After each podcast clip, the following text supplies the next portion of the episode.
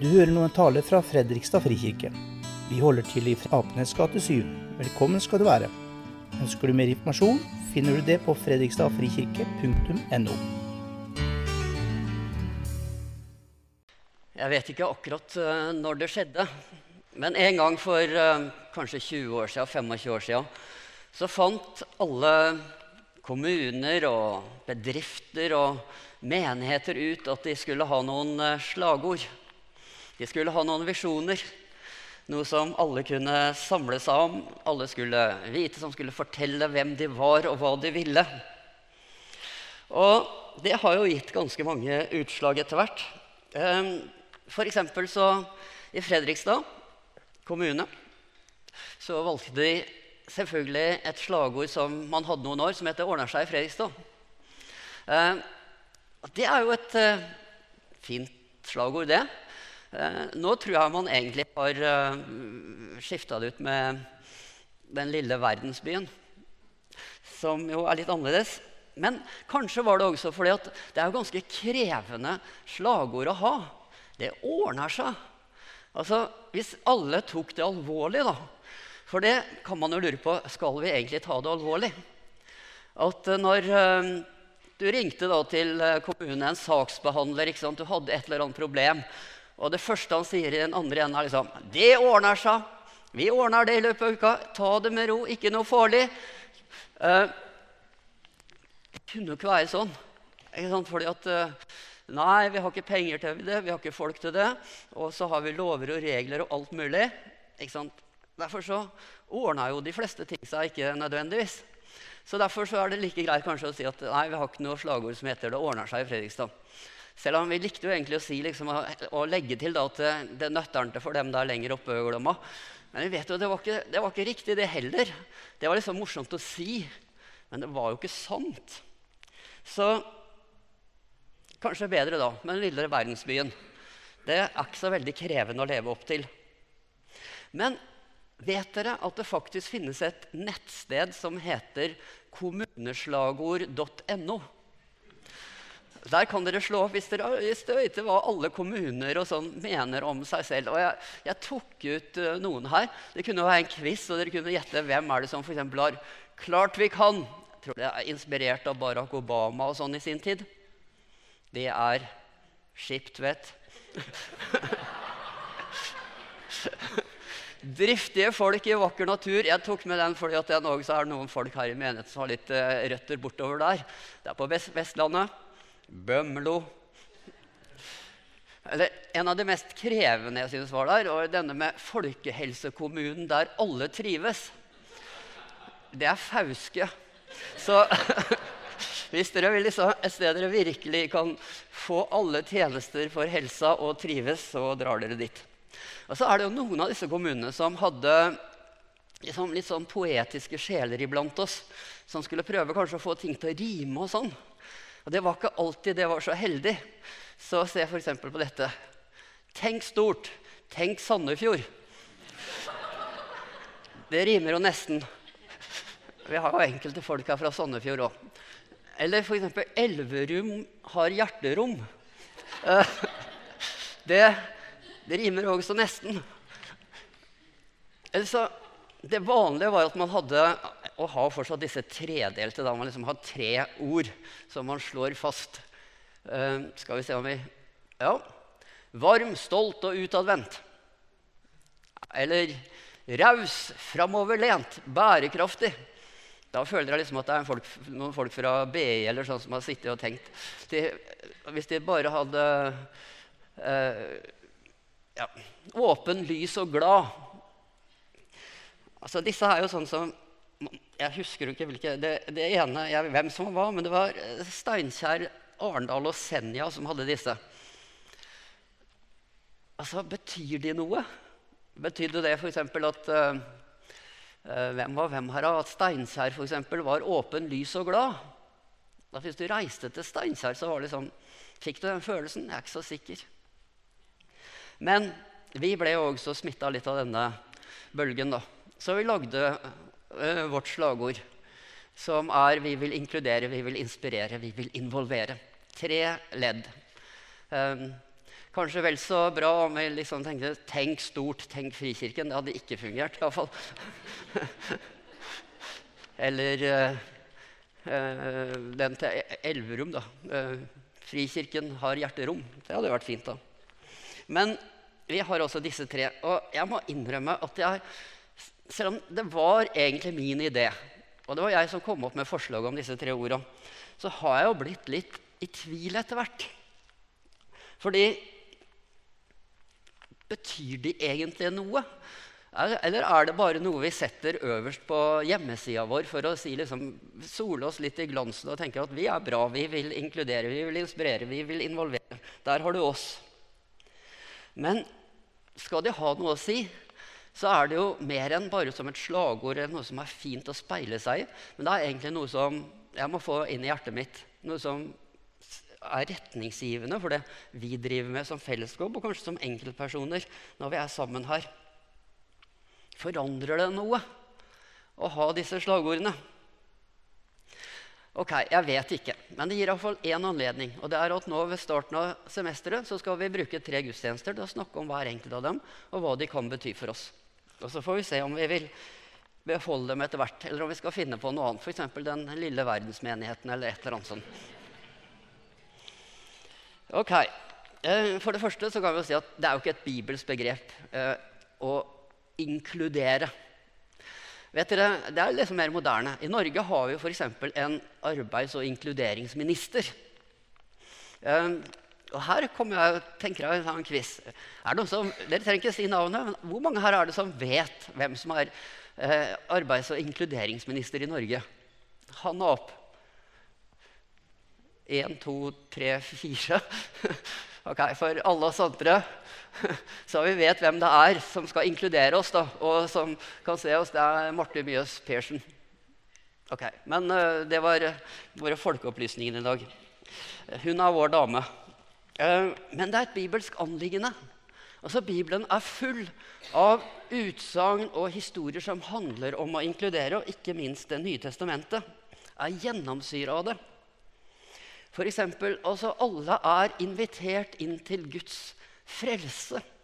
Alle er inkludert og invitert inn i, i, i Guds rike. Og alle er inkludert og invitert inn i Guds kirke. Det er for alle.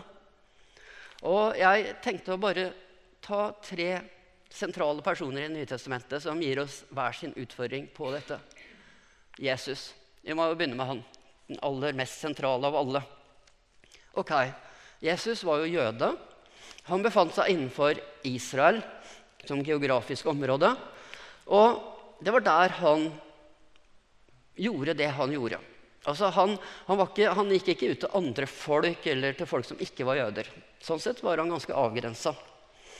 De gangene han hadde med utlendinger å gjøre, var når de kom og ba om han kunne helbrede datteren deres eller sønnen deres. Og det gjorde han.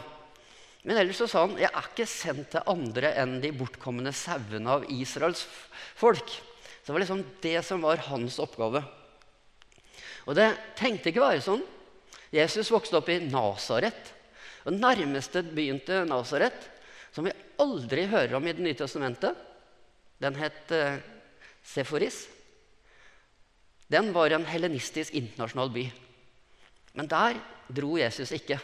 Han dro til Kapernaum, til Nain og alle disse andre jødiske småstedene rundt omkring. Så han hadde en avgrensa sted som han på en måte hadde sitt virke.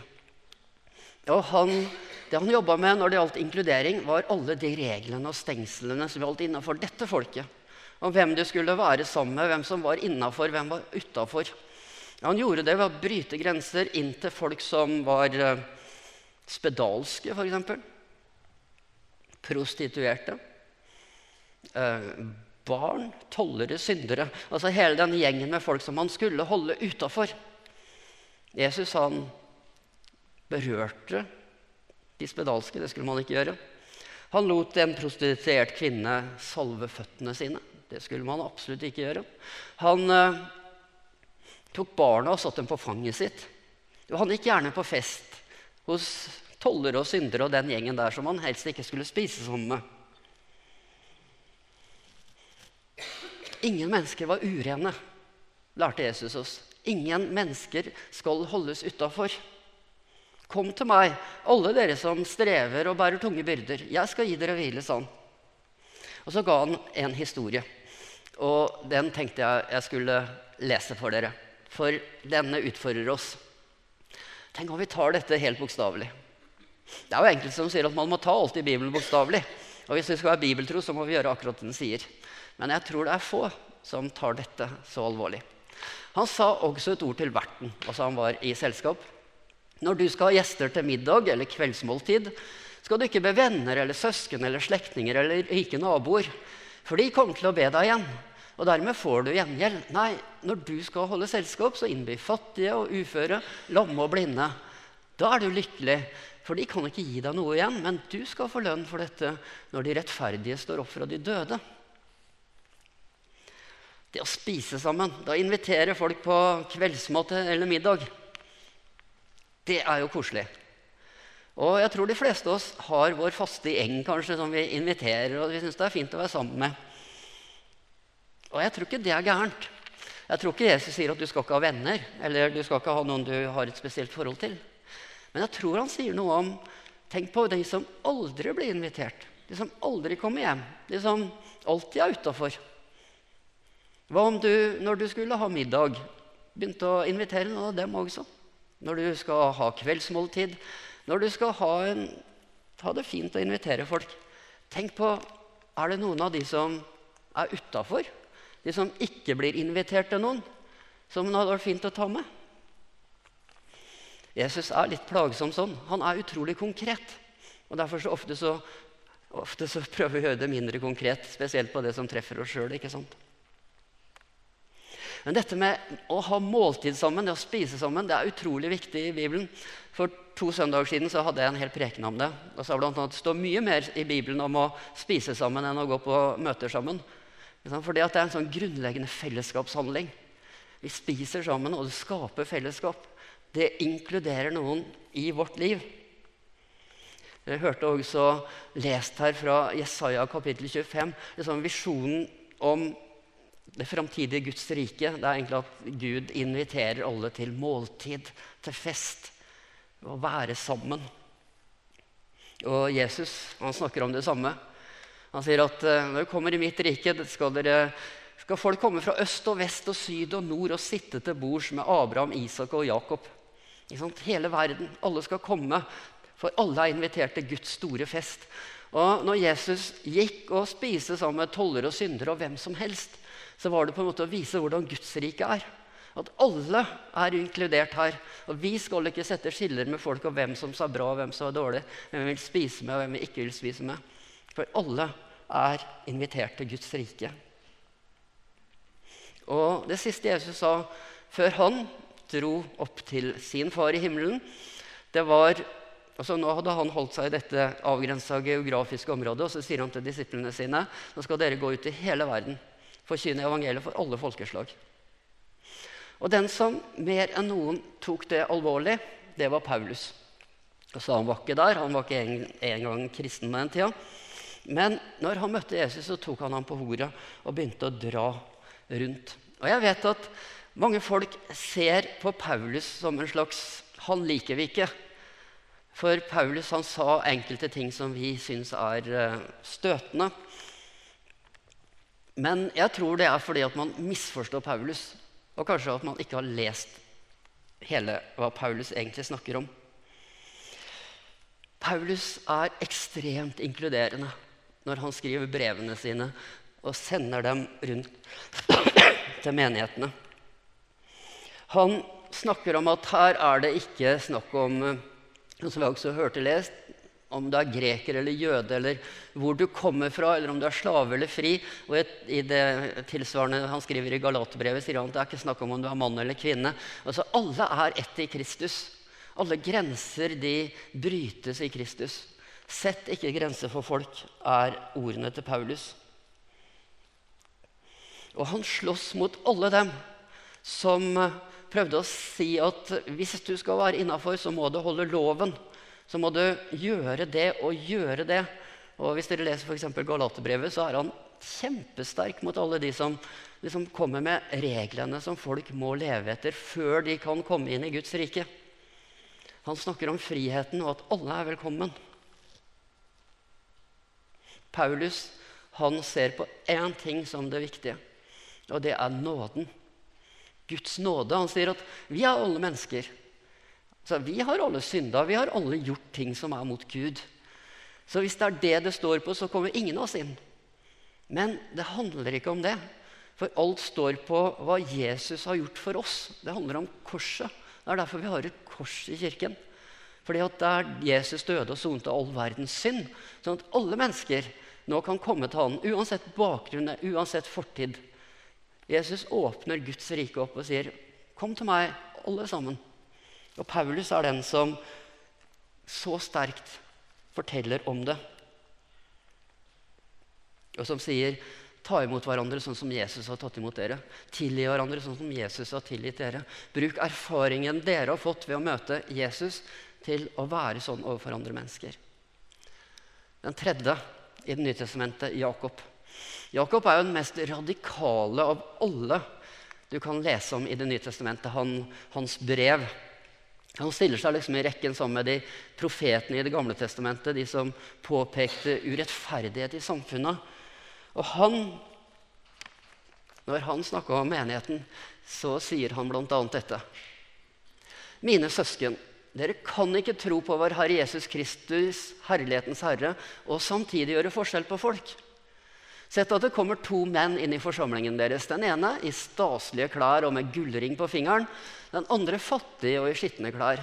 Og Så legger dere merke til ham med de staselige klærne og sier, 'Vær så god, her er en god plass.' Mens til den fattige, 'Du kan stå der, eller sett deg her ved føttene mine.' Har dere ikke da skapt et skille blant dere? Er dere ikke blitt dommere med onde tanker? Altså, eh, Jakob er veldig konkret. Det kommer folk i kirken kommer inn en staselig fyr som viser han har penger og makt. Og dere begynner å liksom bukke og skrape og gi den beste plassen. Altså, sånn var det i mange kirker i gamle dager i Norge. det. De rikeste hadde sine fineste plasser. De hadde kanskje ikke lest Jakob. Sier at den fattige, Hvis dere setter den fattige lavere enn den rike, da synder dere mot Gud. For dere kan ikke gjøre forskjell på folk hvis dere tror på Jesus. For han gjør ikke forskjell på folk. Nå tror jeg ikke vi har så stort problem med det med hvem som er rike og fattige, hvem som har mest eller minst i banken her. Det er ikke det som betyr så veldig mye, tror jeg, sånn som i våre fellesskap og sånn. Eh, men det er selvfølgelig mange ting som gir folk mer eller mindre status. Som gjør, at det er lettere eller vanskeligere å inkludere dem. Og kanskje noen bare gir en litt kald skulder, da. Og det kan være mange grunner til det. Det er lettere å inkludere folk som er sosiale og utadvendte, enn folk som er innadvendte. Eksempel. Men det burde jo ikke være en stor uh, greie, det. Uh, vi skal ikke ta hensyn til uh, hvor folk kommer fra, f.eks. Om man kommer fra Afrika eller Norge, hva gjør vel det? I Guds rike så er vi alle ett. Så tror jeg det å ta imot folk kan også blir litt sånn overdrevet. Altså, I noen kulturer så er det sånn at hvis du sier sånn, er det noen nye her, så skal du liksom ønskes velkommen og rekke opp hånda. og sånn. Det er ikke veldig norsk måte å gjøre det på. I USA så er det ganske vanlig. Uh, og jeg er glad vi ikke gjør det her, for jeg er sikker på at jeg hadde kunnet ønske folk velkommen fem ganger før jeg huska at de faktisk hadde vært der før. Uh, sånn er det av meg. Men uh, Rick Warren, noen av dere har lest han, eller han er leder av en av de største megakirkene i USA, Saddleback. Og han skriver en bok om eh, sin erfaring. Altså Familien var på ferie et eller annet annet sted i USA. da. De går i kirken på søndag. Og der blir de selvfølgelig peka ut. 'Dere er jo nye her.' Ja, vi er nye. Og hele forsamlingen da reiste seg opp og vendte seg mot dem og sang en velkomstsang. Det var pinlig. De holdt på å synke ned i setene, så han skrev liksom, hvordan i all verden må du la være å ta imot mennesker? Det er lov til å være helt anonym og ikke bli invadert. Men det er også fint å bli sett. Eh, bare fortelle En del av dere kjenner George, som har vært til stor velsignelse for oss fra Latvia. Han fortalte eh, altså Det var to grunner til at han kom til å bli i kirken vår. Sånn. Den ene grunnen var følgende. At når han kom hit til Norge, og han var ung Han snakka ikke norsk og ikke engelsk. Det gjør han knapt nok ennå, men det er en helt annen sak. Men iallfall Han kom, og i alle kirker sånn, alle menigheter hvor han kom, så hilste folk på ham og sa det var hyggelig du kom. Og så, ventet, og så var det ingen som sa noe mer til ham. Men her var den første menigheten han var i, der folk var interessert i hvem han var. Og ville prøve å prate med han så godt det gikk an. Og det gjorde at da ble han her. Og ble til stor velsignelse for oss etter hvert. Og jeg vet Det er ikke alle som har den erfaringen, da, men hvor viktig den erfaringen er. At, altså, det er ikke så veldig svære ting, men kanskje rett og slett å være litt interessert i Så fint at du er her. Og være litt interessert i hvem du er. Vi vil inkludere. Og det er ikke en sur plikt. Det er ikke en sånn byrde vi legger på skuldrene våre og sier 'Å nei, må vi det òg?' Det er en stor velsignelse, for er det noe som er fint, så er det å få nye venner. Bli kjent med nye folk. Det er jo få ting i livet som gir oss mer enn det. Og vi ønsker flere folk i kirka vår. Vi ønsker at den skal være full hver eneste søndag. Og vi ønsker at mennesker av alle slag skal komme hit. Uansett bakgrunn eller meninger eller hvem de er. For Guds kirke er for alle mennesker. Er et fellesskap alle mennesker som trenger Guds nåde. Som trenger Jesus. Sånn som oss. Og vi ønsker å gi det fellesskapet. Og så håper vi at eh, det ikke er bare noen få som liksom tenker at det er min oppgave. Men at det er en mentalitet som ligger i hjertet vårt. Vi ønsker folk velkommen. Vi er interessert i mennesker, vi er glad i mennesker. Vi vil at de skal være en del av fellesskapet òg, hvis de vil det sjøl. Alle er velkommen. Og ikke minst så er alle velkommen til å delta i lovprisningen av Gud, vår Far.